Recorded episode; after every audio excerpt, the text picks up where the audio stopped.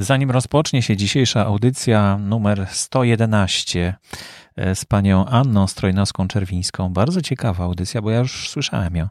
E, fantastycznie się słucha. Chciałem wam tylko podziękować e, patronom, którzy słuchają audycji i słuchają aktywnie, bo wspierają również tę audycję. Dzięki temu no, mogę realizować moje marzenie, a pragnienie słuchaczy staje się coraz bliższe żeby żeby audycja była co tydzień. No jak widzicie, zaczyna to przynosić jakieś efekty. Coraz więcej jest e, patronów. Jeden z patronów e, napisał mi bardzo fajny list, e, którym podzielę się już po rozmowie z panią Anną Strojnowską-Czerwińską po odcinku.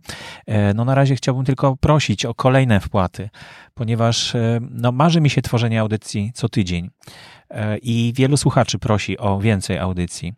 No ale to jest praca na pełny etat i dlatego bardzo proszę o wpłaty na patronite.pl ukośnik Borys Kozielski. Liczy się każda kwota. W tej chwili mam 75 patronów i a 10 tysięcy słuchaczy mniej więcej. Także to nawet nie jest 1% w tej chwili. Nawet nie jest 1% słuchaczy, którzy, e, którzy e, zdecydowali się poświęcić jedną kawę miesięcznie, e, na, znaczy koszt jednej kawy na to, żeby, żeby wesprzeć tę audycję. A naprawdę warto, bo dzięki tym audycjom sporo osób się inspiruje, zaczyna studiować, uczyć się, no a potem efekty tych, tych, tych zainteresowań, które wynikają z inspiracji, potem my wszyscy odczuwamy. Także to naprawdę, naprawdę warto, bo to, to przynosi nam wszystkim korzyść. E, I bardzo się cieszę, że mogę być takim pośrednikiem i że przenosić mogę te słowa, których e, ludzi, którzy wiedzą e, i mają doświadczenie, do tych, którzy chcą wiedzieć i uczyć się. Także proszę bardzo, pomóżcie mi w tym. Wesprzyjcie mnie na patronite.pl ukośnik Borys Kozielski. A teraz już dzisiejsza audycja. Zapraszam. All we need to do is make sure we keep talking.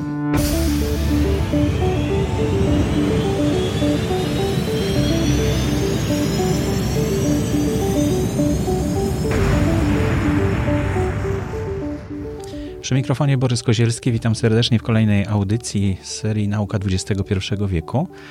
Dzisiaj zaprosiłem do studia panią Annę Strojnowską-Czerwińską. Dzień, Dzień dobry. dobry. To już nie pierwszy raz w studiu pani jest Jak tutaj. się okazało, dokładnie 4 lata temu. Właśnie tak spojrzałem w naszą korespondencję i 4 lata minęły od naszego ostatniego spotkania, a spotkaliśmy się z okazji opowiadania o diamentowych grantach. I o stowarzyszeniu. Tych, tak, o stowarzyszeniu. I z tych rozmów wyszło mnóstwo wspaniałych audycji, które w ciągu tych czterech lat zostały zrealizowane. Jeszcze kilka jest w planach ale, ale udało się naprawdę dużo ciekawych audycji nagrać. Ale nie miała Pani okazji o swoim grancie powiedzieć wtedy, bo on jeszcze tak nie do końca był chyba skończony. Znaczy chyba coś tam zdążyłam pokrótce o nim powiedzieć, ale no bardzo pokrótce, bo to nie był główny temat naszej rozmowy, więc... No i tak umawialiśmy się, umawialiśmy, teraz pandemia, to tak zawsze jest jakiś powód, żeby oddalić. Co? A jeszcze pani y, chyba w, w, w, lipcu pisała, że już prawie publikacja jest. Znaczy właśnie ta publikacja, y, która dotyczyła właśnie diamentowego grantu, bardzo długo zajęła, ale właśnie ostatnio mhm. w lipcu y, uzyskaliśmy ostateczną akceptację, już jest opublikowana, więc, więc też właśnie chciałam o tym porozmawiać, jak już będzie mhm. klepnięta i mhm. dostępna, jakby ktoś chciał no świetnie, się zapoznać ze szczegółami. Jestem bardzo ciekaw właśnie. Jest pani doktorantką w Międzynarodowym Instytucie Biologii Molekularnej i Komórkowej. Tak, w Warszawie. Mhm. Brzmi trudno, skomplikowanie. Tak, zawsze, zawsze moja rodzina do dzisiaj nie potrafi powtórzyć nazwy, bo jest wieloczłonowa. W skrócie nazywamy się Międzynarodowym Instytutem. Jest, I na czym polega to, że jest międzynarodowy? To jest e, tak taka trochę unikatowa forma funkcjonowania instytutów badawczych w Polsce, ponieważ ani to, to jest instytut badawczy, który nie jest ani uniwersytetem, ani Instytutem Polskiej Akademii Nauk. Mhm. E, tylko e, została pod koniec lat 90. powstała uchwała, na mocy której e, we współpracy z UNESCO e, e, zaproponowano powstanie naszego instytutu i ten instytut funkcjonuje, znaczy z jednej strony oczywiście my dostajemy pieniądze z budżetu państwa, żeby funkcjonować jak każda e, uczelnia czy instytut badawczy w Polsce, ale organizacyjnie mamy trochę inne e, organy nadzoru, mamy na przykład e, tak zwany e, International Advisory Board, czyli międzynarodową radę doradczą, mhm. złożoną z dwudziestu paru chyba naukowców z całego świata i to oni właśnie mają bardzo ważne funkcje też decyzyjne w, mhm. w instytucie. I, a ciąg dalszy, no to biologia, e, biologia molekularna, to już brzmi bardzo poważnie i komórkowa, no to chyba bardzo na czasie. Tak, tak. Teraz? Tak, no jeżeli chodzi o koronawirusa, to tak, mamy co najmniej kilka projektów. E, w jednym z laboratoriów u, u profesora Nowotnego jest, e, oni uczestniczą w jednym z dużych grantów. Ostatnio też była e, głośna publikacja u profesora Bujnickiego, który opublikował ze swoimi współpracownikami strukturę drugorzędową RNA koronawirusa, w sensie SARS-CoV-2. My sami, w sensie w moim, laboratori w moim laboratorium też jest jeden grant, gdzie kolega pracuje właśnie nad szybszą i lepszą metodą diagnostyczną. E, no więc zdecydowanie. Mhm. Ale to nie jest tak, że wszyscy rzucili wszystko i teraz nie. się koronawirusem zajmują? Chyba nie, prawda? Nie. Znaczy, jak zaczął się koronawirus, no to instytut był zamknięty przez przeszło dwa miesiące, więc oprócz bardzo pojedynczych osób, które tam musiały przychodzić, to nie mieliśmy wstępu. I oprócz właśnie osób, które były zaangażowane w jakieś koronawirusowe aktywności, bo też oczywiście braliśmy udział um, razem z innymi uczelniami, z Instytutem Biochemii, Biofizyki oraz e, Warszawskim Uniwersytetem Medycznym i wydaje mi się, że jeszcze kilkoma innymi instytutami, nawet Biocentrum Ochota w tworzeniu laboratoriów diagnostycznych, mhm. żeby właśnie pomagać w tworzeniu. Aczkolwiek w Warszawie jest, nie było z tym aż takiego problemu, bo mamy na przykład Warsaw Genomics, które bardzo dużo było w stanie robić analiz jednocześnie ze względu na automaty, roboty, które po prostu posiadają, które pozwalały im na wysokoprzepustowe analizy, mhm. znacznie szybsze niż te robione ręcznie. No i chciałbym właśnie pociągnąć Panią trochę za język i dowiedzieć się, czego dotyczył ten grant, który już się zakończył publikacją, ale też rzuciła Pani fajny temat, bardzo ciekawy, kolejny, o białkach z grupy KMT2, KMT2, tak, KMT2, tak to się powinno chyba mówić. E, no tak po, krótkiej, po krótkim wyjaśnieniu okazało się, że to e, są mm, mutacje angażowane w powstawanie nowotworów i innych chorób, tak? Nie, nie, do, nie do końca. W sensie yy, same białka KMT2, czyli to są mm, białka, które istnieją i są bardzo ważne w prawidłowym funkcjonowaniu człowieka e, i naszych komórek, szczególnie na e, rozwoju. Ale e, wszelkiego są różnego typu mutacje, które pojawiają się w trakcie mhm. naszego życia, mogą powodować choroby no bo, nowotworowe. No, no jak, nowotwór jak, to jest tak, taka mutacja tak naprawdę chyba, no, nie? Trochę. Znaczy, to zaczyna się, to jest taka lawina różnych mhm. mutacji, że często, rzadko wystarcza jedna do tego, żeby albo nawet e, no, po prostu jeden czynnik powoduje kaskadę kolejnych i mhm. zebranie wielu różnych e, powoduje odpowiedni e, mhm. efekt. No bo w nowotworze głównie chodzi o to, że po prostu nagle komórki stają się autonomiczne i dzielą się niezależnie od tego, czy powinny, czy nie mhm. i uciekają naturalnej, programowanej śmierci komórkowej. Mhm. Ale to teraz się pani tym zajmuje, a wcześniej właśnie ten grant dotyczył poznania mechanizmów działania potencjalnych terapeutów. Terapeutyków. Terapeutyków, tak?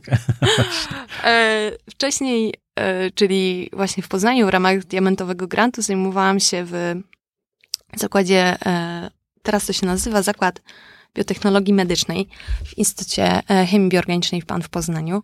E, brałam udział w badaniach, które są prowadzone w zakładzie od, od wielu lat, które miały na celu wyjaśnienie mechanizmu działania stworzonych tam e, potencjalnych terapeutyków. Potencjalnych terapeutyków, które. Znaczy, terapeutyki to rozumiem, że to są jakieś substancje, które mają leczyć, tak? Które tak, tak. na, naturalnie są wyzwalane w organizmie, właśnie, żeby. Czy nienaturalnie?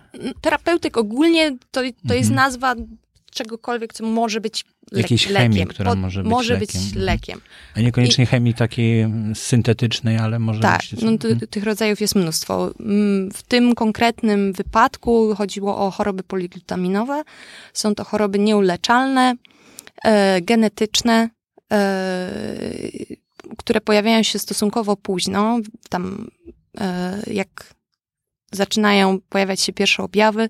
W znakomitej większości ludzie są już w średnim wieku, czyli zazwyczaj zdążą już mieć dzieci, a jeżeli jest to mhm. choroba genetyczna, często niestety potomstwo jest, jest mhm. przekazywane. W sensie e, wada jest niestety, zdąży już być przekazana i no i e, jest z tym, wiąże się z tym dużo problemu, no bo sama znam taką osobę, dla której właśnie sama informacja o tym, że tata nagle okazało się, że jest chory i sama mhm. decyzja, czy chcesz się przetestować, żeby zobaczyć, czy jesteś zdrowa, czy nie, czy czekać z, z niewiedzy, to są bardzo mhm. trudne takie decyzje e, psychologiczne ze, ze świadomością tego, że i tak nie ma na to leku.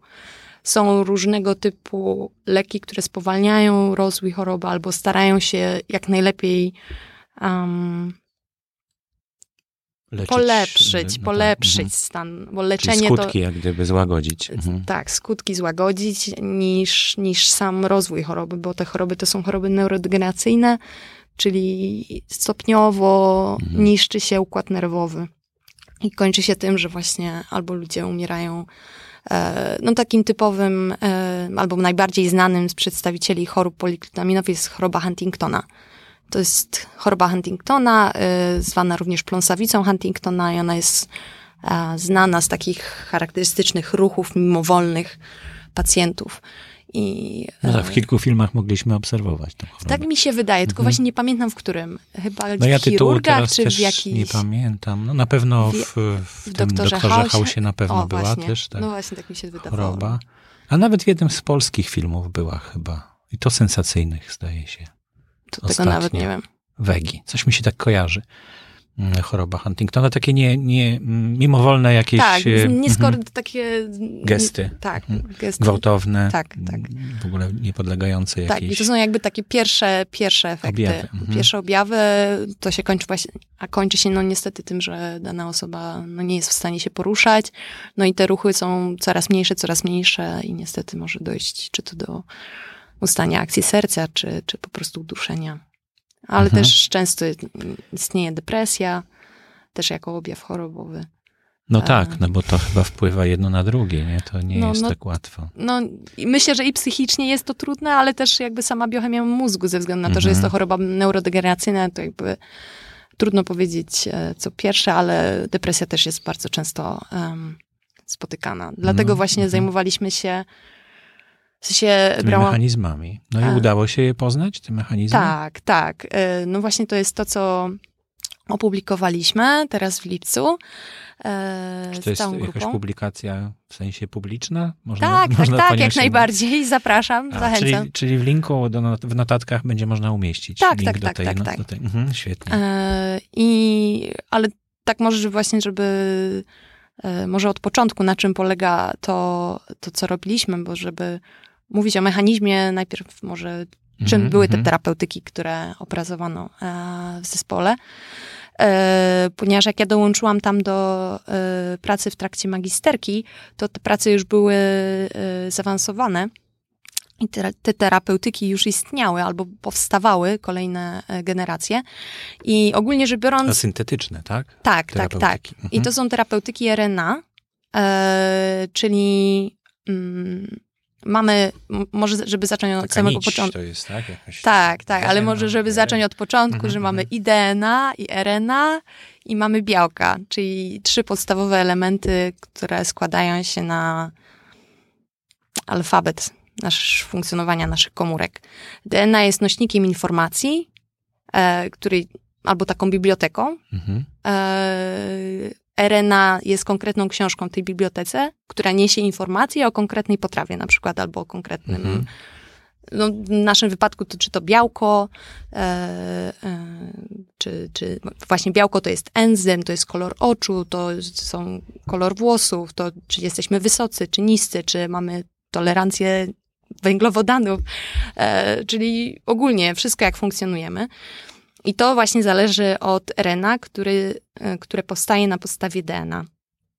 I e, choroby poliglutaminowe polegają na tym, że już na poziomie DNA, czyli na samym tym, samej bibliotece, powstaje taki błąd e, zwielokrotnienia informacji, czyli wydłużenia konkretnego ciągu informacji i zamiast na przykład 20 powtórzeń, bo rzeczywiście naturalnie istnieją mhm. powtórzenia, ale one są jakby naturalne. I dopiero w pewnym momencie przekroczenia punktu krytycznego te wydłużenie, które jest naturalne, wydłużone staje się patologiczne. I takie wydłużone, e, wydłużona informacja znajdująca się w DNA jest przepisywana również na wydłużoną informację w RNA, bo akurat to, te mhm. choroby właśnie są, e, ich mutacja dotyka fragmentu, która jest przepisywana właśnie na język RNA. I również z tego języka RNA na język białka. Czyli te mutacje DNA wpływają na każdy z trzech produktów, jakby ka na każdy z dwóch produktów, które powstają z matrycy mhm. DNA. I y Czyli to jest taki błąd programistyczny trochę, tak? To jest bardziej na zasadzie poślizgu. Polimeraza podczas podziałów komórkowych, jak namnaża DNA, czyli tą informację, tą bibliotekę, którą powinniśmy zachować, która oczywiście e, warto właśnie zauważyć, że ona jest jedna i ta sama już od momentu zapłodnienia. E, oczywiście zdarzają się różne mutacje po drodze, czy to somatyczne, ale jakby ta wyjściowa, zerowa informacja już wszędzie, w każdej naszej komórce naszego organizmu Odtwarza plus się. minus mhm. jest taka sama. E, I e, straciłam wątek. Chciałam powiedzieć, że, e, no, czyli właśnie od momentu zapłodnienia była mhm. informacja o tym wydłużonym ciągu powtórzeń. I spowodowanie tego wydłużonego ciągu, które powstaje przez, przez tą e, polimerazę, która właśnie replikuje DNA, czyli od tej pojedynczej komórki po zapłodnieniu, żebyśmy my powstali z kilkoma miliardami komórek, no, polimerazę musi wielokrotnie namnażać. Mhm. No jak każdy, każde narzędzie, też w biologii molekularnej te narzędzia nie są idealne. Ma to swoje plusy i minusy, bo dzięki temu, że nie, jest, nie są idealne, no to dochodzi do ewolucji. Mutacji też. Mhm. To jest Muta mutacja, tak? Tak, mhm. tak. No jest to mutacja, ale mutacje też mogą wpływać na jakąś ewolucję, ale taką też pozytywną. No tak. Mhm. E, no i ta polimeraza ma taką zdolność, bądź cechę, właściwość, że jak właśnie pojawiają się ciągi powtórzeń, tak jak w przypadku chorób poliglutaminownych są to powtórzenia CAG, czyli tych trzech literek po sobie jest CAG, CAG, CAG, CAG 20 razy, no to ona w pewnym momencie poślizga, ślizga się i na przykład zamiast 20 razy już w kolejnej komórce razy, będzie tak. 50. Mhm. I z każdym pokoleniem te, mhm. e, te ciągi powtórzeń się wydłużają, więc też tak właśnie jest, że pierwszy pacjent jakby w rodzinie ma krótsze ciągi i kolejny mhm. pacjent często już ma znacznie, e, znacznie dłuższe. I też właśnie znam takie historie pacjentów, gdzie właśnie tata miał, zachorował stosunkowo późno, właśnie w wieku podobnym, około e, powiedzmy 50 lat, a dziecko już było chore w wieku dziecięcym. Właśnie ze względu na to, że mhm. szybciej to. Że szybciej, bo właśnie um, pokolenie później jakby to ten poślizg polimerazy mhm. już jest większy. I e, te oligonukleo, e, te terapeutyki, którym, którymi się zajmowaliśmy, one mają za zadanie celować w e, właśnie w te powtórzenia wydłużone, zbyt długie. Mhm. zbyt długie na poziomie RNA, czyli jakby na etapie pośrednim pomiędzy DNA a, a tworzeniem, tworzeniem białka. Mhm. I, I dlaczego to jest ważne? Ponieważ... E, Bo na poziomie DNA to nie ma jak, tak? Rozumiem. Nie, czy... nie, nie. To też są oczywiście terapii i rodzajów terapii, rodzajów podejść jest mnóstwo i również podejścia pod kątem e, tego, żeby zmieniać DNA, skracać DNA, istnieją już i są nie są dostępne na zasadzie no, ale to ja rozumiem, ale... że jest jakiś błąd w tym DNA, tak? I, mm. i dlatego się te, te poślizgi robią, te, te powtórzenia tak, tak silne. Znaczy naturalnie naturalnie powtórzenia nie są niczym złym. One występują i takie powtórzenia, y, y, sekwencji powtórzonych w naszym genomie jest dużo. To nie jest tak, że tego w ogóle nie ma, to jest naturalne, że to występuje. Po prostu chodzi o to, że czasami te naturalne powtórzenia, które występują, przekraczają pewien próg krytyczny. I mhm. powyżej tego progu krytycznego, przez to, że właśnie polimeraza się poślizgnęła w tym akurat miejscu bardziej niż powinna. Czyli pomiędzy DNA a RNA to gdzieś się dzieje, tak? Czy to już w RNA się dzieje? Mm, nie, to mo może byłam za mało precyzyjna, tłumacząc, że polimeraza y, Oczywiście mamy wiele różnych rodzajów polimerazy, ale chodziło mi o poślizg polimerazy DNA, czyli polimerazy, która replikuje, czyli prze, e, jakby namnaża informacje DNA, tak żeby podczas podziału komórki mhm. Jedna komórka miała dobrą inf e, informację matrycową, e, jakby informację genomową DNA, mhm. jak i ta komórka potomna. Mhm, czyli żeby Nowa, dwie powstaje. miały mhm te same, czyli z dwóch nici mu, musimy stworzyć cztery nici. W każdej z komórek mamy po jednej nici yy, tej wyjściowej, a druga nić jest do, dopisywana. I właśnie to robi polimeraza, że podczas każdego współdziału komórek są dopisywane te nici. Mhm. I tutaj ten błąd się tak, pojawia. Dokładnie. Mhm. Podczas przepisywania tych nici pojawia się błąd. Mhm. I to bardziej, ten, ten poślizg bardziej występuje e, podczas, e, jeżeli ma być, e, powodować konkretne choroby w całym organizmie, no to powstaje w komórkach rozrodczych. Także dzieci po prostu mają wydłużony bo w naszych, no nawet jak pojedyncze komórki mają wydłużone, no to one mogą mhm. umrzeć wcześniej e, lub później. A tutaj największym problemem jest to, jeżeli taki poślizg występuje w komórce, która jest komórką rozrodczą, bo on jakby cała informacja źródłowa dla danego człowieka, który powstanie z tej, z tej komórki, mhm. no to będzie tą informacją, która już niesie ze sobą pewnego rodzaju błąd. Mhm. Ale ten błąd jest jakoś rozpoznawany przez organizm człowieka? czy, czy nie? E, na zasadzie... No bo te terapeutyki naturalne, mówiła pani, że też są, tak? To znaczy, bo są syntetyczne, ale są też tak, tak. tworzone tak. przez organizm? Tak, ogólnie rzecz biorąc, e, staram się, zastanawiam się, jak to e, uporządkować, bo trochę dotykamy no ja tak próbuję sprowadzić tematów. wszystko bardzo, do bardzo prostych tak. zagadnień, a może to nie jest takie łatwe. Ja znaczy... zdaję sobie z tego sprawę.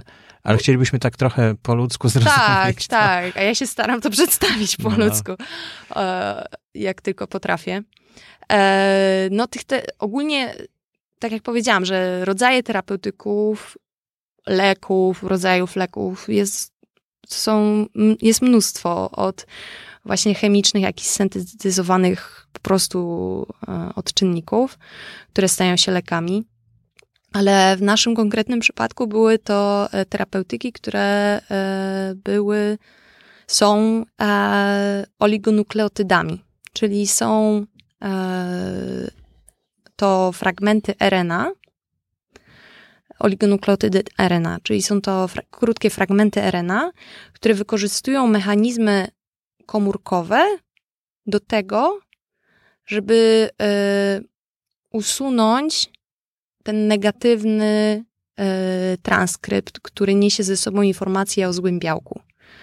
Czyli wracając do tej informacji, o której mówiłam na samym początku, że mamy DNA, RNA i białko i w przypadku chorób poliglutaminowych, kiedy mamy mutację w DNA, które polega właśnie na tym wydłużonym ciągu powtórzeń, mhm. ono jest przypisywane na RNA, a ono, to przedłużony ciąg powtórzeń, na, jest przepisywany na język białka.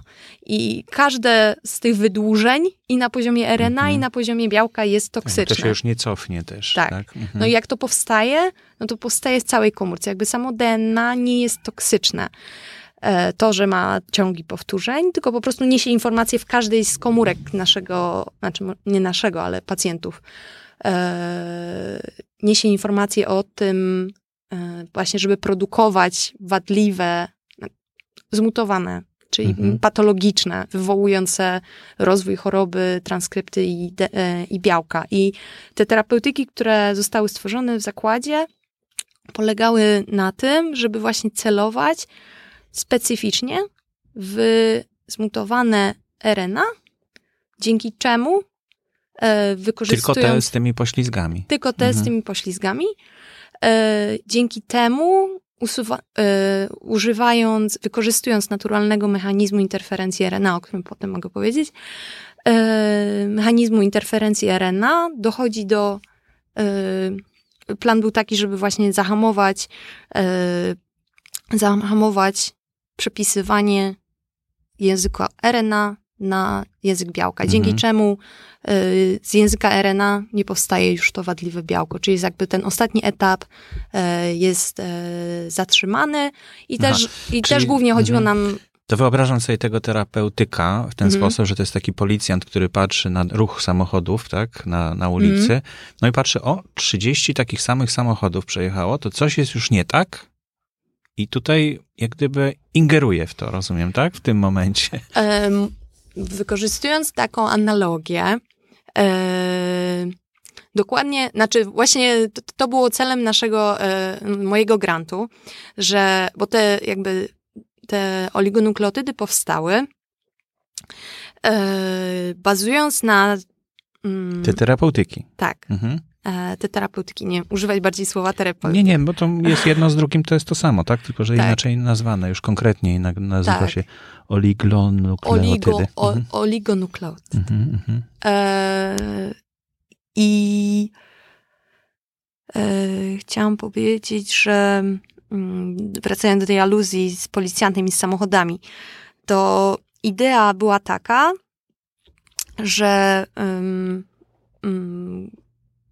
że pierwsze, pierwsze pytanie y, y, osób, które właśnie y, tworzyły te oligonukleotydy, no bo chciałabym zaznaczyć, że jakby ja dołączyłam do, mhm. tak jak już mówiłam wcześniej, na etapie samego badania mechanizmu, a wcześniej e, zespół profesora Krzysiaka na czele z Agnieszką Fischer, która teraz przejęła e, laboratorium po śmierci e, profesora, pracowali właśnie nad tym, żeby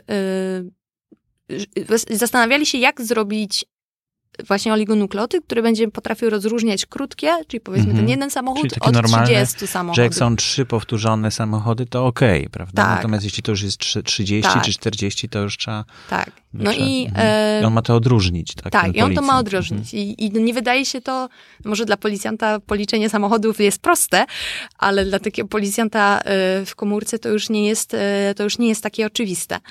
I e, na etapie planowania y, właśnie niezależnie i grupa profesora Krzysiaka, jak również profesora Korea ze Stanów, y, z Teksasu, co też było niesamowite, bo dosłownie w tym samym czasie y, pracowali niezależnie nad tym samym konceptem, który właśnie polegał na tym, żeby wykorzystać zarówno mechanizm mikroRNA, jak i siRNA.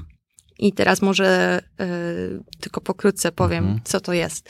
Że samo RNA, tego jest, mamy mnóstwo RNA i jakby ten schemat, który mówiłam na początku, czyli DNA, RNA i białko, to jest bardzo, to jest tak, tak zwany dogmat biologii molekularnej, czyli takie podstawowe trzy etapy. Ale istnieje również możliwość, że po DNA, DNA jest przepisywana tylko i wyłącznie na RNA, i potem już nie ma tego trzeciego etapu. I tak zwane to RNA, które powstaje z DNA i nie jest przepisywane na białko, jest tak, nazywane tak zwanym niekodującym RNA. Niekodującym mhm. to znaczy, że nie niesie informacji. No właśnie. I było przez wiele lat, była e, po, szczególnie po momencie, kiedy sekwencjonowano genom i się okazało, że tylko 2% koduje białka, to... Tylko 2%? Tylko 2%. A reszta jest bezproduktywnych, tak? No, tak? tak to się wtedy na początku Wydawało. 2000, mhm. 2000 e, z groszem tak, wtedy się to nazywało śmieciowym DNA. No, ale... To coś jak z czarną materią, że też jest jej tak dużo we wszechświecie. ale jeżeli coś jest. Nie widać. Ale jeżeli coś jest, to zazwyczaj no po coś po jest. Coś jest no właśnie. Nie? Mhm. I, no tutaj 98% jest, a. Więc jeżeli zużywamy mnóstwo energii na to, żeby te 98% przepisywać z komórki na komórkę, to możemy być pewni, że ewolucja nie zostawiła tego po to, żeby po prostu tracić bezproduktywnie energię. E, I w skrócie właśnie bardzo dużo informacji e, jakby duża część, oczywiście nie wszystko, nie chcę wchodzić tutaj w detale, ale y, część z tego śmieciowego DNA koduje właśnie informacje o tak zwanym niekodującym RNA. I rodzajów niekodujących RNA to jest cała wielka dziedzina nauki, która się bardzo prężnie rozwija. E, a ja Od początku tego wieku dopiero, tak? Czy jakoś... Tak. E, no tak naprawdę RNA to był 1990 któryś, nie pamiętam dokładnie mm -hmm. roku. E, I, i, I może właśnie powiem o tym eksperymencie, który był eksperymentem, który był pierwszy opisującym właśnie interferencję RNA, e, ponieważ polegało to na tym, że badacze chcieli e, zmodyfikować kwiaty petunii, tak mhm. żeby petunia miała bardziej, czerwony, e, bardziej czerwone płatki. Czyli wprowadzili właśnie RNA, czyli instrukcję o białku, które odpowiadało mhm. za, info, za kolor płatka petunii. Prosta rzecz, nie? Wydaje się proste, nie? Mhm. I surprise, surprise, okazało się, że po włożeniu, czyli wstrzyknięciu tego, tej informacji o tym, żeby petunia była bardziej czerwona, okazało się, że wręcz przeciwnie. Okazało się, że stała się biała. Hmm. Miała elementy białe. I co się okazało? Okazało się, że właśnie nazwano to interferencją RNA, że e, RNA ma zdolność jeżeli znajduje się, e, jeżeli wprowadzimy jakieś e, RNA i ono, i ono niosło informację o konkretnym białku, czyli zawierało, e, zawierało informację, mm, jak to powiedzieć, komplementarną. Masz być czerwone, tak? Słucham? Masz być czerwony, tak? Tak, masz być mhm. czerwony. I w pewnym stopniu, przez to, że masz być czerwony, już było w komórce, no tak. To się mhm. spotkało, masz czerwony i masz czerwony.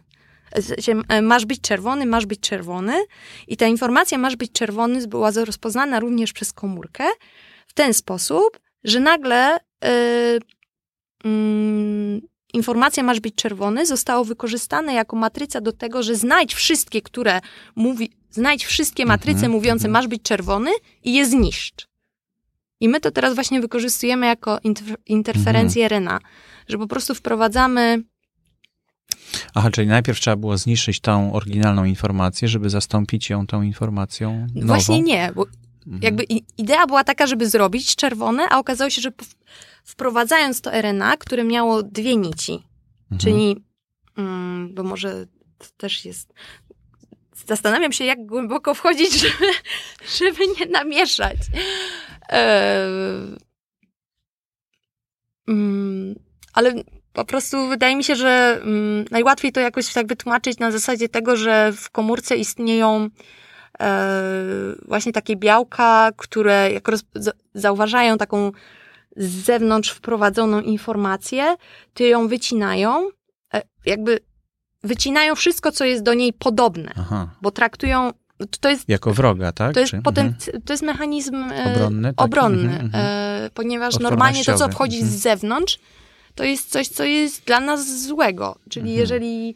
Czyli jeżeli... jeśli mówimy, masz być czerwony, aha, to teraz likwidujemy wszystkie, tak. masz być czerwony. Tak, tak, tak. Aha, to taka interferencja, na tym, na tym polega tak, ta interferencja. Tak, no i, i teraz właśnie wykorzystujemy to o, o, w różnych, czy to badaniach, nie badaniach, czy właśnie e, w badaniach już również klinicznych.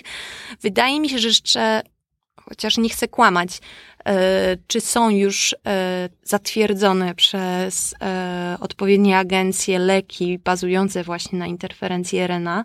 Na pewno dla Huntingtona są na, ostateczny, na ostatnich etapach mhm. badań klinicznych. W ten klinicznych. sposób chce się wyeliminować tą chorobę, tak? Tak, tak, tak. Mhm. tak. Właśnie wykorzystując między innymi tego typu A, czyli po prostu mówi się, masz mieć Huntingtona, tak? I, i wtedy mm, organizm automatycznie likwiduje tego, którego ma już. Tak w skrócie nie, nie, bardzo. Bardzo w skrócie, e, powiedzmy nie do końca e, używając tej naszej analogii, masz mieć Huntingtona, mm czy mhm. masz być czerwony, tak jak z tą mm petunią. Mm -hmm. e, bo wiadomo, że nikt nie wprowadza całych genów, tylko konkretnie fragmenty. E, i, I ten mały fragment, który jest wprowadzany, wystarcza do tego, żeby usunąć e, gen, dlatego że to białko, które rozpoznaje to, co my wprowadzamy, ma zdolność E, cięcia, jak ono e, wiąże się właśnie z tym, co my wprowadziliśmy. Ono rozpoznaje coś, co jest, pasuje, czyli mhm. po prostu nitka do nitki pasuje, to takie białko w połowie ten, to coś, co jest w komórce przecina, a jak już przecina coś, jakieś RNA, które jest w komórce, to to RNA już e, przez to, że jest przecięte w środku, to bardzo szybko jest zdegradowane, ponieważ normalnie e, każde RNA ma na początku i na końcu różnego typu takie bezpieczniki, nazwijmy to, żeby właśnie komórka za szybko nie zjadała własnych mhm. produktów ekspresji genów.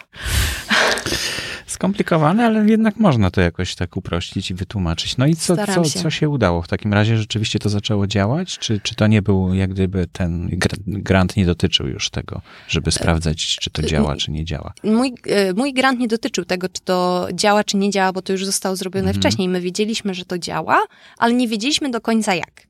Bo mhm. wiedzieliśmy, że e, jakby to zostało zaprojektowane na, na zasadzie takiej, że chcieliśmy wykorzystywać, e, że te oligonukleotydy, które my wprowadzamy, mm, właśnie miały działać na zasadzie tego, żeby usuwać. Tylko, że chcieliśmy wykorzystać dwa różne mechanizmy, czyli właśnie siRNA i mikroRNA, e, tworząc właśnie coś, co nazwaliśmy art microRNA, czyli taki artificial microRNA, sztuczne microRNA, bo microRNA to jest coś, co normalnie, naturalnie występuje w komórce i wpływa na ekspresję mm -hmm, i regulację mm -hmm. wielu różnych genów, a to jest coś, co wprowadzamy zewnętrznie, przypomina microRNA ze względu na sposób oddziaływania, e, ale nie do końca wiedzieliśmy, jak to funkcjonuje w komórce, jeżeli czy rzeczywiście, jeżeli wprowadzimy coś z zewnątrz, co, co nie jest naturalne, czy będzie dalej e, wykorzystywane przez te dokładnie e, mechanizmy, które są normalnie wykorzystywane przez te naturalne mikroRNA.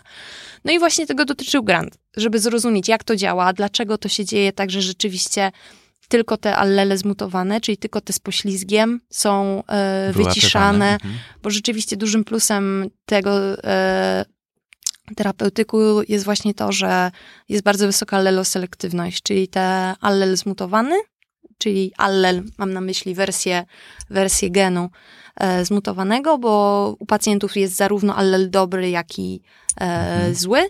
Czyli celem było to, żeby usunąć złego, żeby ten dobry mógł funkcjonować i on w tym momencie pozwalałby na, mamy nadzieję, E, bo oczywiście badań klinicznych jeszcze nie było, więc, więc to jest tylko na zasadzie e, planów. Mhm, czyli to jest taka droga, tak? Mogliśmy prześledzić, jak to wygląda, jak gdyby tworzenie leków już, tak? Właściwie. Znaczy, do tworzenia leku mhm. to jest bardzo długa droga i bardzo dużo pieniędzy. No ja nie mówię o tym, że, że trzeba badanie kliniczne zrobić i tak, tak dalej, ale tak. jak gdyby najpierw właśnie tak się sprawdza, tak jak to te, te, ten pani Grant na to jak gdyby pozwolił, żeby prześledzić e, i, i jak gdyby dołożyć cegiełkę do powstania w efekcie jakiegoś działania, które zapobiega tej chorobie. Tak, tak, tak. tak. Znaczy y, badania są, są dalej e, prowadzone. E, też, też głównie głównym, główną zaletą tego naszego podejścia też jest to, że e, ono celuje w ten miejsce poślizgu. Mhm. A to miejsce poślizgu jest wspólne dla wszystkich chorób poliglutaminowych. Aha. Każda z chorób poliglutaminowych Stąd jest... Stąd się bierze. Mhm. Tak ale każda choroba jest bardzo rzadka. Czyli e, nie pamiętam dokładnie statystyk, ale chyba dla Huntingtona to jest 1 na 10 tysięcy, 15 tysięcy urodzeń. E, pozostałe choroby są jeszcze rzadsze, więc tych pacjentów ogólnie nie jest dużo. Ale jeżeli dla wszystkich dziewięciu chorób mamy mhm. e, ki, jakiś jeden wskaźnik. Jak, mhm. Mamy jeden czynnik mhm. wspólny, no to potencjalnie myśleliśmy, że dzięki temu moglibyśmy zwiększyć jakby potencjalną grupę odbiorczą dla tego konkretnego mm -hmm, leku mm -hmm. i y, czy terapeutyku, potencjalnego terapeutyku oczywiście. Takie było założenie, żeby po prostu móc albo mieć możliwość trafienia do jak największej grupy. No i też właśnie to jest jedna z rzeczy, które sprawdzaliśmy, czyli na zasadzie tego, jak, e, jak bardzo to jest uniwersalne, że test, celując dokładnie tę samą sekwencję, czyli w sekwencję powtórzoną CAG, e, dokładnie tymi samymi oligonukleotydami, czyli tymi naszymi terapeutykami, czy jesteśmy w stanie uzyskać te mhm, same mhm. efekty terapeutyczne niezależnie od modelu choroby. Okazało się, że niestety jest to zależne od rodzaju choroby i że to nie jest tak, że wszystkie choroby że wszystkie modele, bo nie mogę mówić o chorobie, bo oczywiście stosowaliśmy modele komórkowe, więc to są bardzo uproszczone modele w stosunku do całego człowieka. E, że niestety nie wszystkie e, reagowały tak samo dobrze, ale właśnie dla choroby Huntingtona uzyskaliśmy bardzo dobre wyniki, e, też dla jednej z ataksji, więc widać, że pewne cechy tych chorób oprócz mhm. samego ciągu powtórzeń też jest istotne. Niemniej, niemniej, niemniej widać, że terapeutyki mogą być potencjalnie stosowane, a czy będą stosowane dalej, e, to, to, to, to, już, to już jest zupełnie inna Ciąg dalszy badań jest potrzebny tak, po tak, prostu. Tak, tak, mhm. zdecydowanie. No, ja się domyślam, że ktoś, kto na przykład, nie wiem, cierpi na taką chorobę albo ma kogoś w rodzinie i słyszy, że już właściwie widać efekty, tak, e, takich badań, no to, to chciałby już, już. Tak, tak. To właśnie była u nas e, w w laboratorium pracowała koleżanka, która, o, właśnie o której wspomniałam, e, zaczęła robić u nas magisterkę właśnie dlatego z, z tej konkretnej mhm. choroby właśnie, bo jej tata, bo jej tata był chory i, i, i no, to dla mnie było wtedy bardzo mocne, jak przyszła e, i, powiedziała, że to jest bardzo ważne dla niej, dla takich osób jak ona, że to, co robimy, daje naprawdę nadzieję takim rodzinom, że i, i wtedy się czuję, że to nie jest tak, że coś się tam robi w laboratorium. Nawet jeżeli, wiadomo, minęło kilka lat i, i wiadomo, że to nie jest ani dostępne w sklepie, ani nawet nie jest w klinice, ale no, jakoś tam kilka tysięcy osób naukowców musi mhm. popracować, żeby coś tam doszło. No i teraz rzeczywiście dzięki Bogu e, jeden z leków już jest naprawdę w bardzo zaawansowanych badaniach klinicznych i naprawdę jest nadzieja, że, że z, te, z tego co kojarzę wygląda to obiecująco. E, co prawda to nie jest mój, mhm. to, nie, to nie jest moje dzieło i to nie są e, rzeczy, które ja wykonywałam, ale i tak e, bardzo się cieszę, że dla tych osób jest no, coraz większa nadzieja i, i, no tak. i horyzont taki, że to są już lata bardziej, kiedy to będzie dostępne, a nie dekady. Mhm.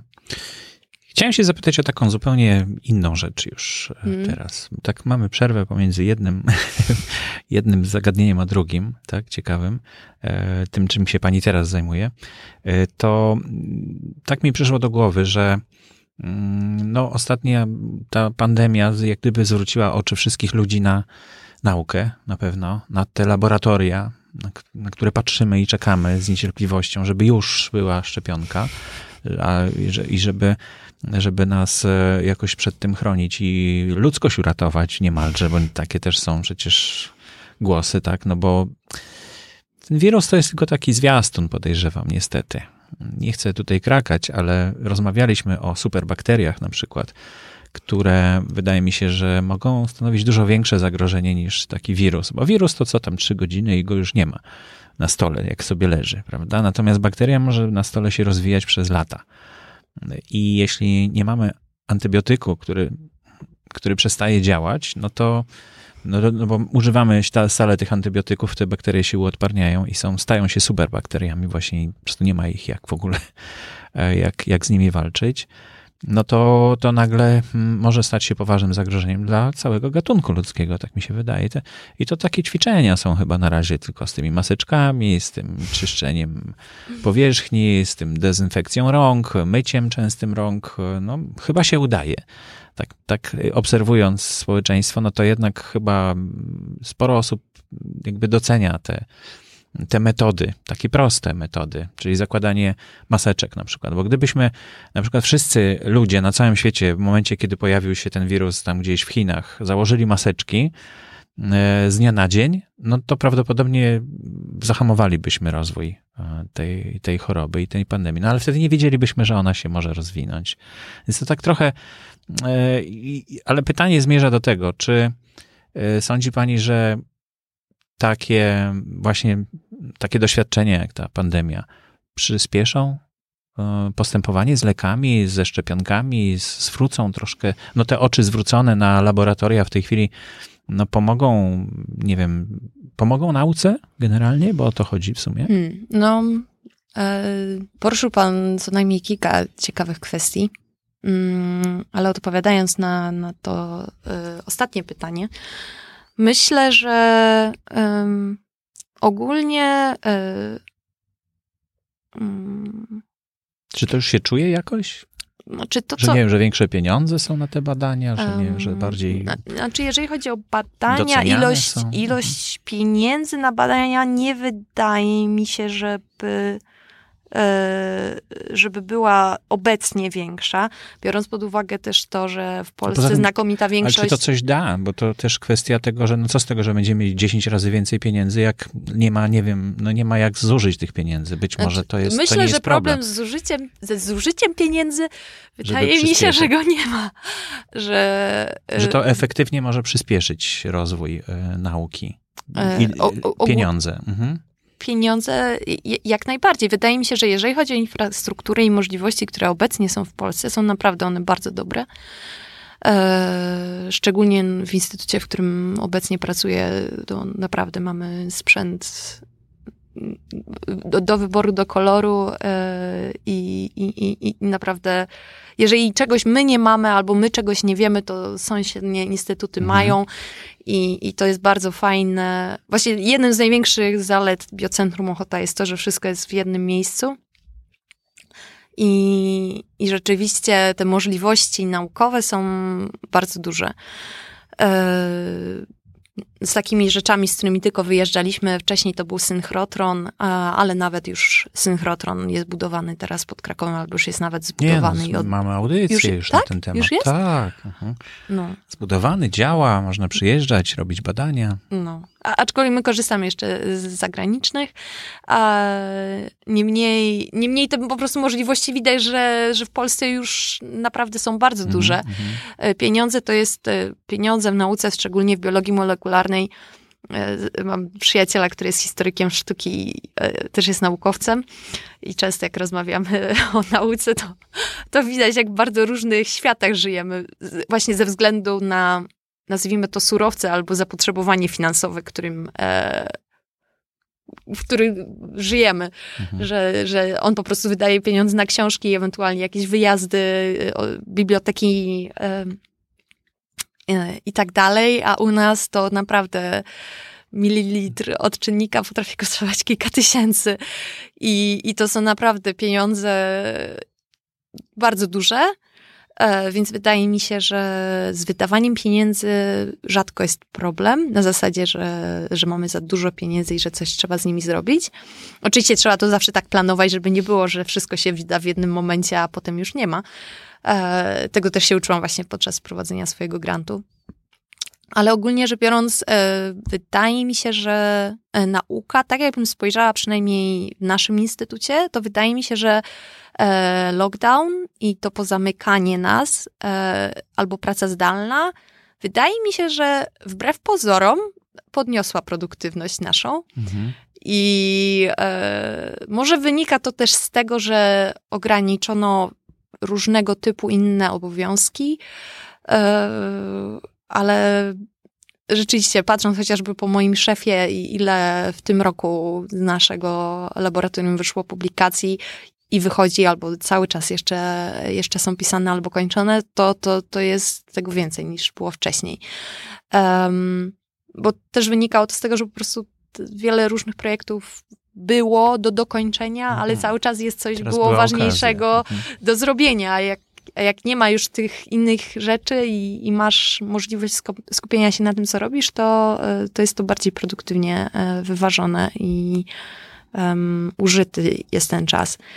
Um, ale wydaje mi się, że ogólnie rzecz biorąc też e, odnośnie COVID-u, wydaje mi się, że też jakby płynność, przepływu informacji pomiędzy y, naukowcami. Powstało dużo różnych baz. Ja osobiście nie siedzę y, w tematyce koronawirusa, więc nie bardzo się na tym, y, nie bardzo się tym interesuję, ale jakby dochodzą do mnie, do mnie te informacje, że rzeczywiście jest dużo rzeczy w takiej dostępnej formie, dostępne, czy to w forach, czy mhm że, że te informacje naprawdę rzeczywiście szybko, szybko no tak, są tutaj, dystrybuowane pomiędzy Tutaj rodzi się kolejny problem chyba, tak mi się wydaje, no bo, bo ta wymiana informacji, żeby rozwój szybko następował jest potrzebna, jak najlepsza.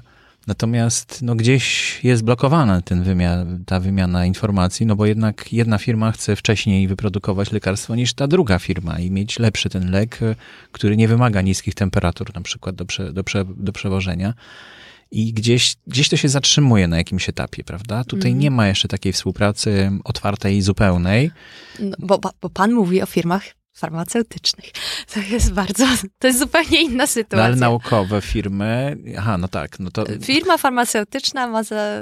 No ona ma swój zespół naukowców, tak, rozumiem? Tak, tak, tak, oczywiście. Mhm. I oni też oczywiście często publikują, ale często, jeżeli to są jakieś rzeczy, na których właśnie firma planuje um, no z czegoś musi żyć. Z czegoś żyć, a badania kliniczne to są naprawdę niesamowite pieniądze, e, bardzo duże, to mm, no to jest wiadomo, że ta, ta wymiana informacji między firma jakby z firm farmaceutycznych no tak. są mhm. bardzo ograniczone. I one Bardziej czerpią raczej z tych tak, publicznych tak, tak, tak, informacji, które są przez instytuty naukowe. naukowe tak, bo właśnie instytuty naukowe bardziej mhm. mają na celu... Czyli takiej współpracy nie ma między tymi instytutami?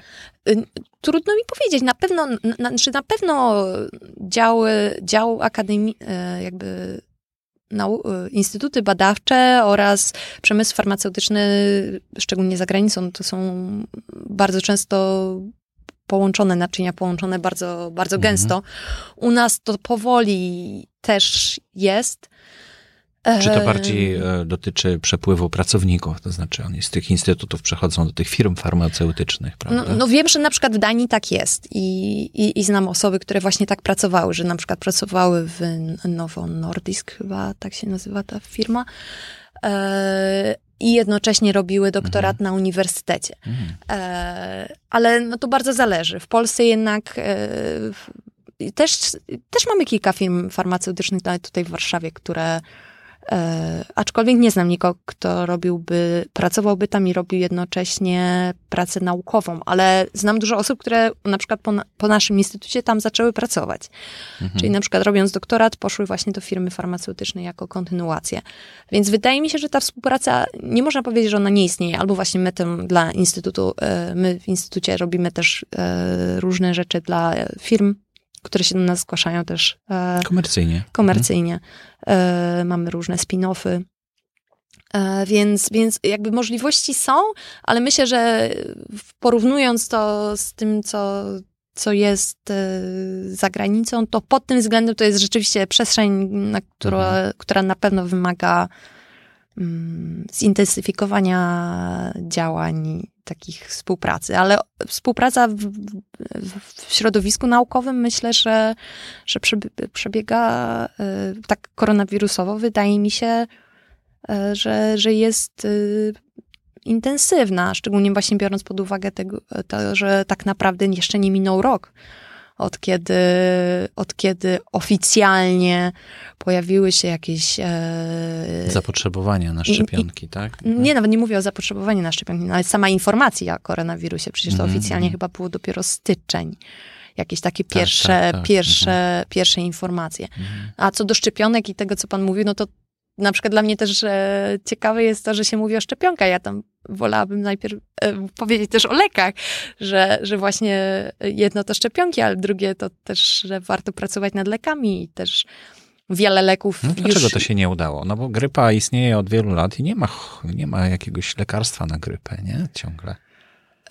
No, no, no właśnie. Zwykła grypa, no. No to, to właśnie to tak jest, nie? Że że są choroby, które są z nami od, od lat i niestety nie jesteśmy w stanie ich pokonać, czy, czy, czy to AIDS, yy, HIV, tak, yy, HIV-AIDS, yy, przecież też na to mimo wielu, wielu lat e, nie opracowano ale szczepionek. można już żyć z tą chorobą, tak? Tak, tak, można, chodzi. mo, Mhm. można żyć, ale e, jakby to tak w temacie szczepionek, że, że, że nie zawsze opracowanie szczepionek jest Mhm. e, prostą rzeczą. Lek, opracowanie leku też oczywiście nie jest prostą rzeczą, więc ja osobiście ja osobiście uważam, że badania kliniczne i czas, który jest potrzebny na zweryfikowanie tego, czy dana rzecz, dany, dana em, substancja, która ma zostać podana ludziom, Mhm. y, wywoła korzystne efekty ponad te potencjalne negatywne, e, no, no wymaga czasu i, i osobiście nie, nie, nie jestem z wielkim zwolennikiem spieszenia się z, z tego typu badaniami, które dotyczą tak dużej grupy ludzi i, e, i mogą być tak samo negatywne, jak pozytywne, bo to wszystko po prostu zależy od tego, co, co zostanie nam Mhm. podane. No dobrze, no to wróćmy może do tych e, białek z grupy KMT2. Mhm. To po polsku nie ma, tak? Odpowiednika jeszcze. Po polsku można to nazwać. Mm, e, znaczy, na pewno jest jakaś nazwa po polsku, tylko ja niestety pracuję po angielsku i e, ja bym nazwała e, metylotransferazy specyficzne dla lizyn. Albo lizynospecyf- lizynospecyficzne metylotransferazy. O, tak. tak Mhm. bym to nazwała. Czyli są to białka, które, jak nazwa wskazuje, metylują lizyny. I te konkretne białka metylują, czyli wprowadzają grupę metylową. To jest po prostu, Mhm. będę nazywać to jakimś znacznikiem.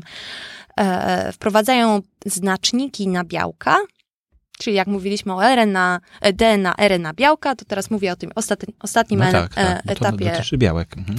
tak. I, I białka, którymi ja się zajmuję, są odpowiedzialne za to, że pełnią bardzo ważne funkcje w tym, żeby wprowadzać odpowiednie znaczniki białek, które odpowiadają za to, czy DNA jest przepisywany na język RNA. Bo to, czy z DNA powstaje RNA, jest również bardzo ściśle regulowane w, e, w naszym organizmie. Bo bardzo ważne jest to, żeby w komórkach oka nie, nie było ekspresji białek, które są na przykład charakterystyczne dla wątroby, Mhm. albo w wątrobie dla oka. Znaczy, oczywiście część jest e, tak zwane e, housekeeping genes, czyli takie, które są niezależne od tego, jaka to jest komórka, ale są takie, które są specyficzne dla różnych, e, dla różnych organów czy różnych fragmentów naszego organizmu. No i te białka, którymi ja się zajmuję, właśnie one, one e, odpowiadają za architekturę tego konkretnego DNA, czy ono jest dostępne dla maszynerii i wprowadzenie właśnie tego znacznika przez to białko, którym się zajmuje, KMT2, to, e, to DNA, które znajduje się niedaleko tego znacznika, staje się dostępne. Czyli może być tłumaczone na język Mhm. RNA. Czyli to białko jest bardzo ważne do tego, żeby. E, mm, ono jest bardzo ważne do tego, żeby prawidłowo e, został utrzymany profil genów, które powinny być aktywne i genów, które powinny być nieaktywne. I e, modyfikacje tego genu i mutacje tego genu właśnie odpowiadają, czyli różne aberracje powodują, że geny, które powinny być wyłączone, są włączone. I, i to właśnie e, powoduje, Narastanie nowotworów, tak? To no- znaczy nowotworu. jakichś czegoś, czego nie powinno być. No, szczególnie te białko właśnie KMT2, one są nazywane również białkami MLL, e, ze względu na to, że MLL to jest również grupa jednego z nieuleczalnych e, białaczek. Tak zwane białaczki, a, biała, białaczki mieszanych linii komórkowych. I, e, I to jest właśnie jedna z nieuleczalnych e, białaczek. I ja się zajmuję tym, żeby właśnie poznać i zrozumieć, jak te białka oddziałują, jak one rozpoznają Mhm. te konkretne regiony, które, powin, które powinny mieć wprowadzone te konkretne znaczniki, żeby ten konkretny fragment DNA był dostępny, żeby mogło powstać z niego RNA albo, a potem białko. Czyli to są takie jakby na jeszcze wcześniejszym etapie, czyli wcześniej się zajmowałam tym, co jest na poziomie RNA i tą regulację, to, to też była regulacja ekspresji genów, czyli to, co mnie najbardziej zawsze interesowało, to jest to, jak to się dzieje, że właśnie mamy jedną komórkę na początku, jesteśmy małym zarodkiem, który powstał z dwóch gamet i, i w tym małym naszym zarodku jest informacja o tym wszystkim, jak wszystko hmm. będzie funkcjonować. Od tego, że będę widzieć, do tego, że będę śpiewać, do tego, że będę chodzić po górach i i, te komórki wszystko wiedzą, mimo tego, że ja im nie muszę mówić, że one teraz mają się podzielić, albo teraz ta ma umrzeć. E, I to mnie zawsze fascynowało i właśnie to jest takie główna myśl przewodnia, myślę, wszystkich. A jak to jest z tym umieraniem pracy? właśnie tych komórek? Bo to też gdzieś jest zakodowane, że ona ma umrzeć, prawda? Tak. Że nie można tego wyłączyć, żeby nie No właśnie nowotwory wyłączają. Aha. I ona dlatego rośnie nowotwory właśnie mają to do siebie, że one rozwijają się, stają się nieśmiertelne. Dlatego to jest na przykład w jakiś sposób, jest to może trochę straszne, jak sobie o tym pomyślimy, że e, pracuję na jednej z takich bardzo standardowych linii komórkowych HELA i to jest linia komórkowa wyprowadzona z raka szyjki macicy kobiety, która żyła w latach 70. Nie, nie, 50 każdym dawno razie temu. Y, kilkadziesiąt lat temu i już dawno nie żyje. A jakby jej nowotwór aha, żyje nadal dalej. żyje z nami. Przerażające. I, Wizja. Tak, i to jest, jak, jak sobie trochę o tym pomyślimy, to jest trochę, ale no, no właśnie o to chodzi, że, że to jest dla nas wygodny model do pracy, bo on po prostu zawsze się będzie dzielił. Jeżeli jak wcześniej pracowałam w Poznaniu i pracowałam na fibroblastach od pacjentów, fibroblasty są to komórki skóry, no to one tam koło 16-17 pasażu zaczynały już wyglądać słabo, bo po prostu się starza, star, sta, Starzały. Starzały się. Jakoś to mi dziwnie zabrzmiało. E, bo każda komórka ma pewnego rodzaju e, informacje o tym, kiedy ma się zestarzeć. Tak? Kiedy ma się zestarzeć i ma ograniczoną ilość podziałów, mhm. które może przejść. I w pewnym momencie, kiedy przejdzie tą, znowu ten próg krytyczny, no to. Szybciej się starzeje, tak? E, nawet nie, nawet nie. Że jak przejdzie próg krytyczny tego, e, że, od, że to Aha. był próg krytyczny, do tego czasu możesz się dzielić, teraz już nie możesz, bo już jesteś za stara, więc umierasz. No i są różne, e, znaczy są takie dwie podstawowe, e, dwa podstawowe mechanizmy programowanej śmierci komórkowej, czyli właśnie na przykład apoptoza która, która jest po prostu naturalna. I, Apoptoza? Apoptoza. Apoptoza. Apoptoza. Mhm. I, I to jest po prostu naturalna, programowana śmierć e, komórki, która nie wynika z żadnej sytuacji chorobowej, ani żadnej, tylko po prostu... No tego, coś że... podobnego stosujemy teraz w nowych urządzeniach elektronicznych. Też się programuje, że urządzenie nie, nie może dłużej przeżyć. Drukarka dzień tak. po utracie gwarancji się niszczy. tak, miałam tak raz. No nie, no, y, to, to śmiechy są, ale prawdopodobnie tak robią firmy, bo byłyby niezniszczalne, nie mieliby czego sprzedawać, ale afera no, żarówkowa jest właśnie jest najlepszym przykładem na to, że... Żarówkowa? Tak, żarówki. E, na początku naukowcy zostali zatrudnieni do tego, żeby wyprodukować idealną żarówkę, która będzie stale świecić tak. i zrobili to.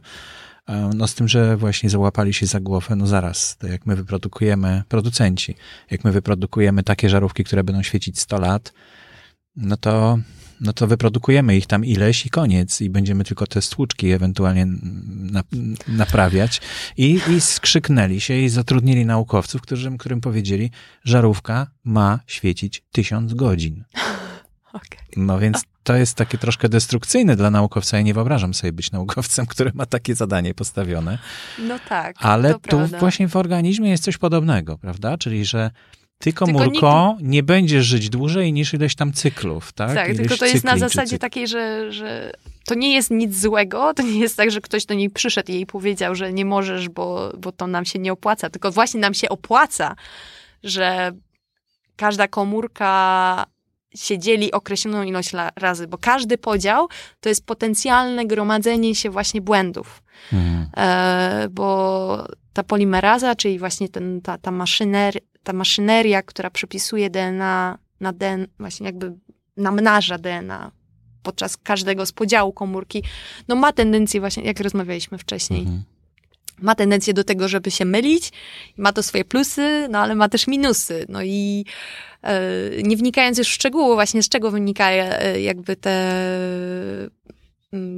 ta śmierć komórki, może tylko tak pokrótce powiem, może takie hasło telomery, skracanie no właśnie, telomerów, właśnie. że z każdym podziałem te to telomery. one odpowiadają za to starzenie się, tak? Nas. Tak, tak. Czyli można je tam coś zrobić z tymi telomerami i... Mm, na pewno ktoś coś z nimi robił, ale szczerze mówiąc, e, trudno mi powiedzieć. Nie chcę, nie chcę, nie chcę kłamać na ile, czy ktoś próbował wydłużać e, telomery, przez co zagwarantować nam nieśmiertelność, ale no wydaje mi się, że wydaje mi się, że ktoś to, ktoś to robił, albo nawet robi. E, ale trudno mi powiedzieć, bo, bo zupełnie to nie moja tematyka, więc... Jak już mam panią specjalistkę również od białek, rozumiem, e, tutaj w studiu, no to muszę się zapytać, bo dotarła do mnie taka informacja, że człowiek po dwóch latach jest, już nie posiada żadnej komórki, którą, którą dwa lata wcześniej miał, tak, bo się wszystkie zestarzały i się odnowiły. Czy to jest prawda? Zależy. Zależy. Nie wszystkie. To jest w ogóle, to jest najlepsza odpowiedź e, biologa. No nie, no zawsze, Biolog zawsze ja, może ja też... powiedzieć, to zależy, bo to zależy od wszystkiego. Mhm. W każdym razie, e, znakomitej większości, je, mogę powiedzieć, że ogólnie, czy to dwa lata, ja, ja bardziej kojarzę pięć lat, ale może to były dwa lata. W każdym razie to zależy od e, organu. No, skórę na przykład wymieniamy bardzo szybko, mhm. co widzimy, tak? E, po kurzu. Po kurzu, dokładnie. Jak się nie, nie odkurza zbyt y, często mieszkania, to widać, ile tego tracimy. E, ale na przykład wątroba e, albo mózg e, też ma zdolności regeneracyjne, ale są one znacznie, znacznie mniejsze. No bo też się mówi, że jak się straci komórkę mózgową, to już ona nie odrasta, prawda? Nie, nie regeneruje się, nie, nie, nie, ma, jest, nie powstaje nowa. nie jest to do końca prawdą. Najlepszym dowodem jest również koronawirus i utrata węchu. Mm, tracimy węch ze względu na to, że wirus między innymi może atakować opuszkę węchową. Opuszka węchowa jest właśnie regionem w mózgu, do której trafia przez, przez e, jakby opuszka węchowa jest połączona z nosem i z, z, nerwami e, węchowymi, które mamy właśnie w nosie i ten wirus wchodzi sobie przez nos do opuszki e, węchowej i e, przez to właśnie tracimy, tracimy węch, ale widzimy, że to nie jest tak, że tracimy go na zawsze. I między innymi tą e, konkretną strategię wykorzystywał na przykład zespół z Wrocławia. E, 4-5 lat temu była taka głośna sprawa, mm, jak e, pan na wózku wstał. Nie wiem, czy pan kojarzy taką nie. historię. Um, Zregenerował się, tak? Nie, nie, oczywiście nie sam. Mhm. E, pacjent e, został, e, był na wózku, ponieważ zostało mu przerwany rdzeń kręgowy po tym, jak ktoś mu wbił nóż w plecy. Mhm. I więc ten, więc ten przerwanie e, mm, przerwanie kręgosłupa było bardzo jakby takie dokładne, nazwijmy to, że było, było przecięte Cięcie. nożem. Mhm. To nie było jakby pęknięcie, że poszarpane, tylko bardzo równe. I e, naukowcy z Wrocławia, nie pamiętam teraz e, szefa tego zespołu, ale mm, opowiadał nam o tym doktor Fortuna, oni właśnie między innymi wykorzystali e, zdolności regeneracyjne e, opuszki węchowej i wzięli właśnie komórki nerwowe z opuszki węchowej, namnażali je w, normalnie, tak jak my hodujemy komórki, i potem wprowadzili te e, namnażone komórki nerwowe z opuszki węchowej, oczywiście jednej z, no bo drugą potrzebowali zostawić pacjentowi, wprowadzili w to miejsce, które zostało przerwane i ta osoba e, chodzi. Hmm. Więc, więc to nie jest tak, że nawet mózg nie ma zdolności regeneracyjnych. Ona, te zdolności regeneracyjne są, one nie są tak duże na przykład jak wątroby. E, jak skóry. Mhm. A, no, no, skóra akurat zdolności regeneracyjne to po prostu szybko się łuszczy. Nie mówię tutaj o skórze właściwej, tylko na skórku właściwie, żeby być precyzyjnym. E, ale, ale te zdolności regeneracyjne są i myślę, że no to to jest jakby kolejny dowód na to, że nasz organizm jest niesamowity. I... Niezbatany. No, kosmos. A, a mózg, mózg to już w ogóle. No ostatnio już dużo badań jest na temat mózgu. Mapę już zaczynamy poznawać tak, bardzo tak. szczegółowo. Jeszcze nie wiemy co do czego, tak? Ale... Na, znaczy ogólnie neurobiologia oczywiście, no tutaj wydaje mi się, że też z panem z profesorem Kaczmarkiem chyba tak y, miał jakieś rozmowy, czy nie? Nie pamiętam. Nie, rozmawiałem z profesorem Ome. A, to, to nie. On takie o, to, o, o badaniach okay. też mózgu opowiadał, ale on bardziej zajął się e, takimi softwarem, że tak powiem, A, czyli okay. e, no, więc, emocjami. No, no, no, neurobiologia tutaj w Warszawie, no to Instytut Nęckiego na przykład, no to cały instytut się głównie zajmuje właśnie neurobiologią, więc e, nawet w Polsce mamy bardzo dobre zespoły, które zajmują się takimi rzeczami. E, to, to jest oczywiście bardzo dużo jest poznawane, ale jak zawsze w nauce, otwierając jedne drzwi, wydaje, otwieramy kolejne dziesięć. W sensie dochodzimy do kolejnych dziesięciu, mhm. które jeszcze są zamknięte. I, ale myślę, że to jest właśnie dużo. To jest urok, że trudno dojść do momentu, kiedy stwierdzimy, że wszystko wiemy, no bo to znaczy, że, że no coś jest nie tak. Bo nigdy nie dojdziemy do momentu takiego, że wszystko wiemy. Zawsze będzie coś, czego nie do końca mhm. rozumiemy.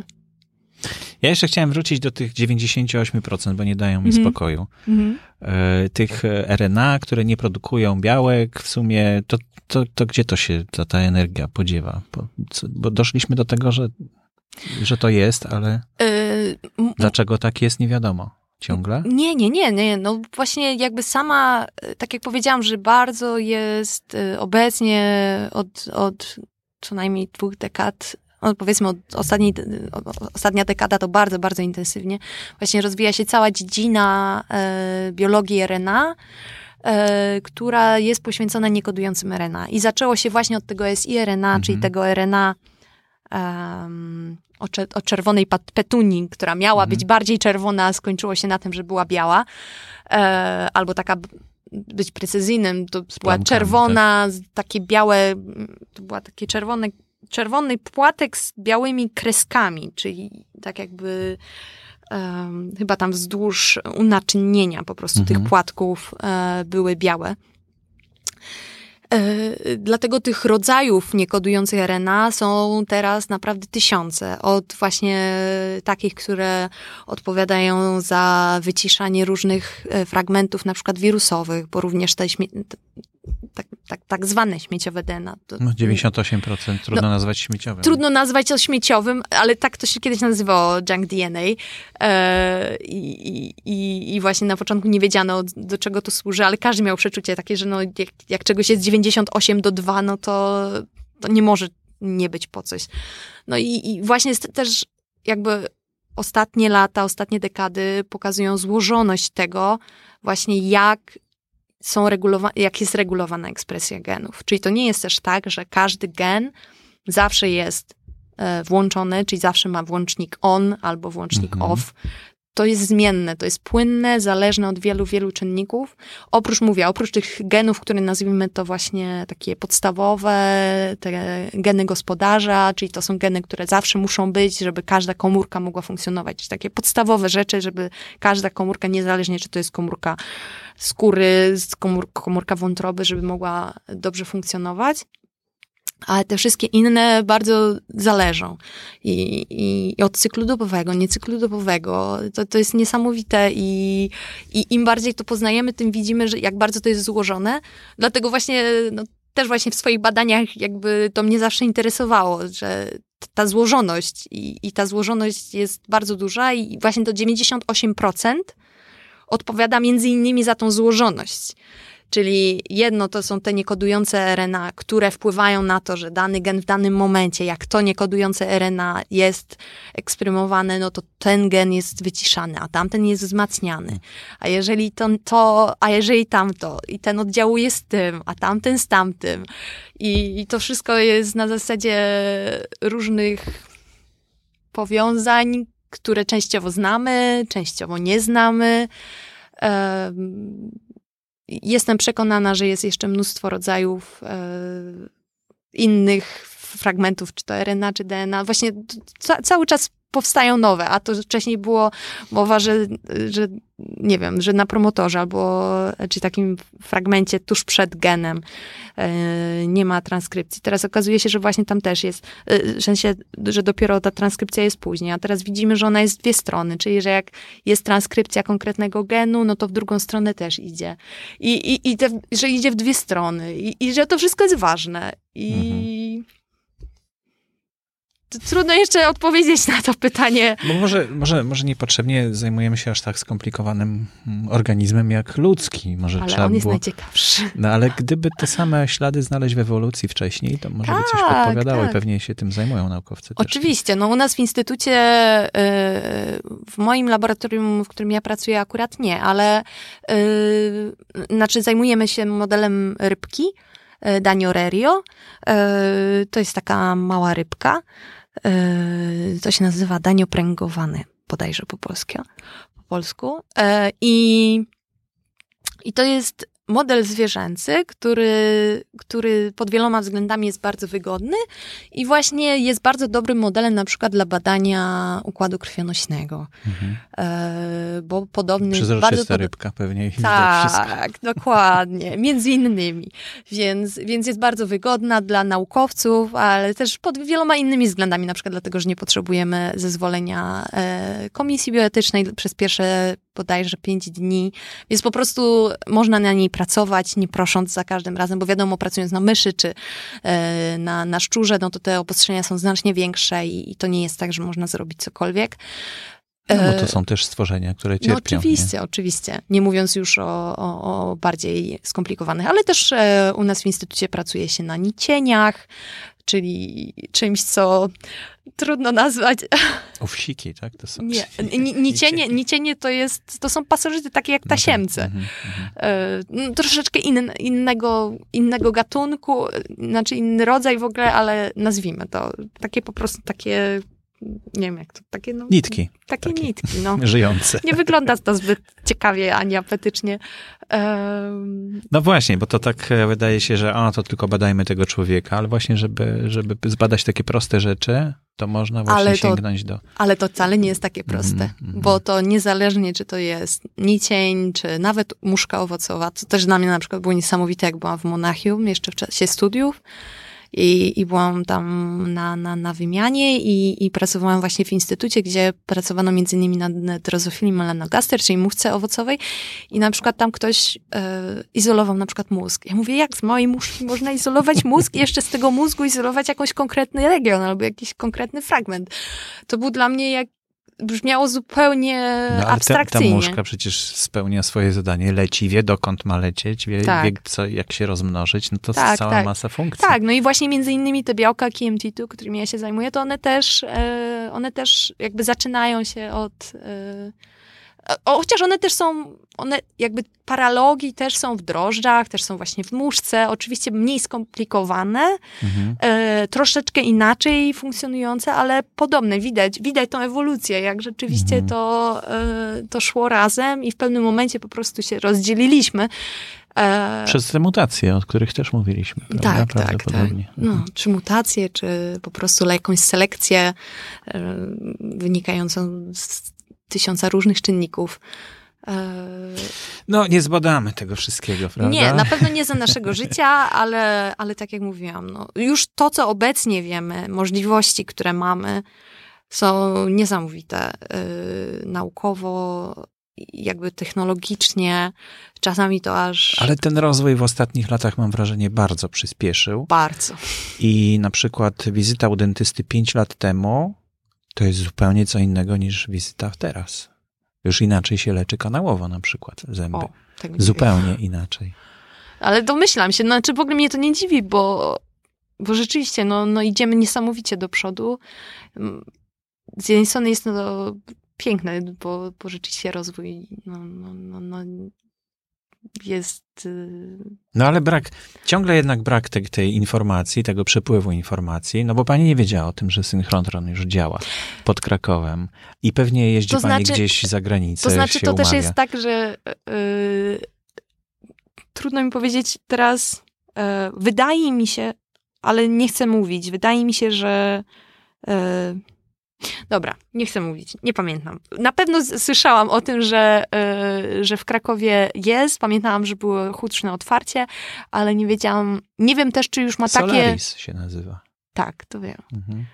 Znaczy nie pamiętałam, ale I, i też nie wiem, czy ma dokładnie takie same parametry, jak te największe synchrotrony, z których my korzystamy. Nie, nie jest największy. No właśnie, mhm. wydaje mi się, że on jest takim, który... Może bezużyteczny, jeśli chodzi o pani badania, tak? E, ja, tak ja, nawet, ja nawet e, synchrotron wykorzystuje się w badaniach biologii strukturalnej. I co prawda jestem w laboratorium biologii strukturalnej, jakby oryginalnie miałam się zajmować właśnie biologią strukturalną tych białek, mhm. KMT2 i nawet nie całych białek, tylko ich fragmentów, które odpowiadają właśnie za rozpoznawanie tych znaczników, tych, e, tych, tych białek, które odpowiadają za to, czy, czy dany gen jest włączony, czy jest wyłączony, tak mhm. zwane białka histonowe i ich modyfikacje. E, I, I, chromatyna to też dla mnie właśnie sama chromatyna, to, to jest kolejna długa rozmowa właśnie, jak sama chromatyna i te modyfikacje, możliwości samych jakby możliwości modyfikacji i kombinacji są miliony. I jak one są wprowadzane, jak one są regulowane i to jest, to jest bardzo skomplikowane, ale wiemy naprawdę coraz więcej. Również. Tak, tak, tak, zdecydowanie. No niesamowite historie, rzeczywiście. I jeszcze jak pani to opowiada z taką pasją, to już w ogóle jest fantastyczne. Cieszę się. I dziękuję, że pani przyszła do studia, podzieliła dziękuję się bardzo. swoją pasją z naszymi słuchaczami. Dziękuję bardzo. Mam nadzieję, że było to zrozumiałe i. No starałem się. Dostaję odzew od słuchaczy, że, że właśnie, bo przyznam się, że było kilka takich audycji, może jedna, może dwie, których jak gdyby od, odczepiłem się od e, toku myślowego mhm. E, rozmówcy, ale też nie chciałem przeszkadzać, no bo możliwe, że słuchacze coś z tego jednak mieli, mm. ale dochodzę do wniosku, że nie wolno tak robić, że trzeba po prostu zatrzymywać w tym momencie, dopytywać, bo, bo, bo nie wiadomo, jak to jest naprawdę. Więc skoro ja to rozumiem, skoro ja nadążam, no to jest szansa, że słuchacze też będą nadążać. Duża szansa. Natomiast jeśli ja nie nadążam, no to już ta szansa tak. być może. Tak, tak, zdecydowanie. Dlatego znika. dopytywanie i kto pyta, nie błądzi, nie przez Dokładnie. przypadek, więc mhm. lepiej powiedzieć coś 10 razy i za każdym razem coś tam doprecyzować niż Dobrze. Kiedy koniec tych badań? Jakieś wyniki będą? Nie wiadomo. E, których badań? No, Bo powiedzieliśmy z nami kilka. O, te, o, tej, e... o tych białkach z grupy KMT2. No to część badań już skończyłam i też opublikowałam.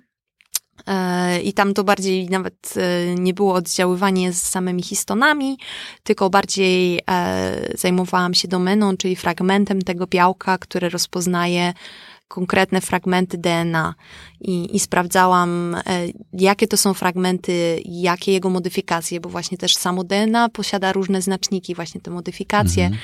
które wpływają na to, czy dany fragment DNA jest bardziej włączony, wyłączony w trybie pośrednim i, i, i właśnie tą część już też zakończyłam. Jeszcze jaki kolor ma pewnie, niedługo dojdziemy do tego. Chociaż już rzeczywiście się, już się mówi o kolorach chromatyny i, i już się koloruje jądro, że właśnie kolory, kolory chromatyny. No to tak podobnie było z cząstkami elementarnymi. Kiedyś wiadomo było, że jest atom, mm. że to mhm. jest niepodzielna cząstka. Tak, tak. No, okazało się, że nie, tam jeszcze można, można.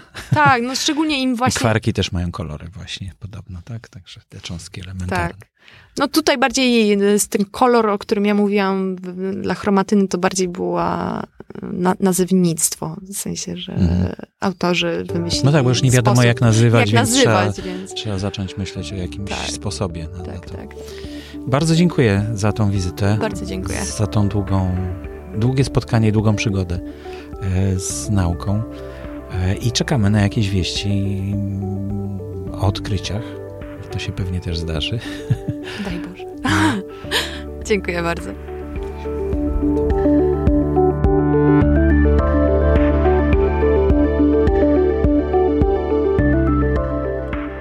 To był 111 odcinek podcastu z serii Nauka XXI wieku.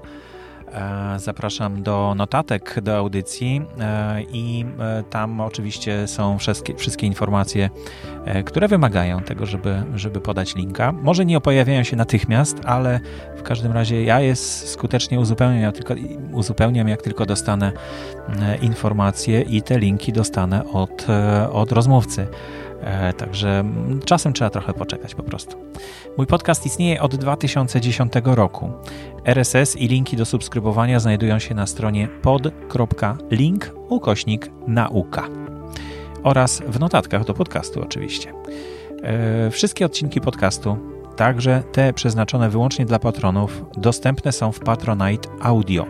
To jest taka nowa forma, taka aplikacja, która umożliwia słuchanie E, treści e, no, takich ograniczonych do pewnej grupy odbiorców i do grupy odbiorców, do grupy patronów. E, tam zjawia, pojawiają się audycje, które są no, takim bonusem, dodatkiem. Wkrótce, mam nadzieję, że jeszcze przed świętami uda mi się opublikować audycję z panem Tomaszem Sulejem, paleontologiem, z którym rozmawialiśmy w 110 odcinku. E, namówiłem go na to, żeby jeszcze troszkę w studio został i opowiedział o tym, jak, e, jak to się stało, że został naukowcem. No i nagraliśmy też e, fantastyczną audycję, która będzie dostępna właśnie dla patronów na Patronite Audio. Także zapraszam gorąco, a jeszcze no, przybył nowy patron, kilku patronów, ale ten patron napisał do mnie list, którym chciałem się z Wami podzielić. Szymon pisze y, w skrócie, znaczy ze skrótami oczywiście, y, pisze tak. Dzięki nauce XXI wieku nie trzeba słuchać podcastów naukowych wyłącznie po angielsku. No, bardzo się cieszę. To miły komplement. Jak dla mnie nauka XXI wieku to zdecydowany numer jeden pod względem zawartości, realizacji i inteligentnego poczucia humoru. bardzo mi miło. Pozdrowienia, panie Borysie, również od żony. Nauka to jedyny podcast, który pozwala włączać, jak jedziemy razem samochodem. Pozdrawiam również małżonkę i bardzo się cieszę, bo rzadko kiedy zdarza się, żeby jednego podcastu czy jednej serii mogły słuchać więcej niż jedna osoba. Generalnie jest to bardzo takie mm, intymne medium, które raczej słucha się samemu. E, I no nie jest to tak jak program telewizyjny, który razem można oglądać albo film jak w kinie, prawda? Ale no cieszę się, że, że jednak, jednak można. Także pozdrawiam gorąco i życzę wszystkiego dobrego. Bardzo dziękuję już za uwagę i zapraszam do słuchania kolejnych audycji i wszystkich poprzednich, które są oczywiście e, cały czas dostępne. Dziękuję bardzo.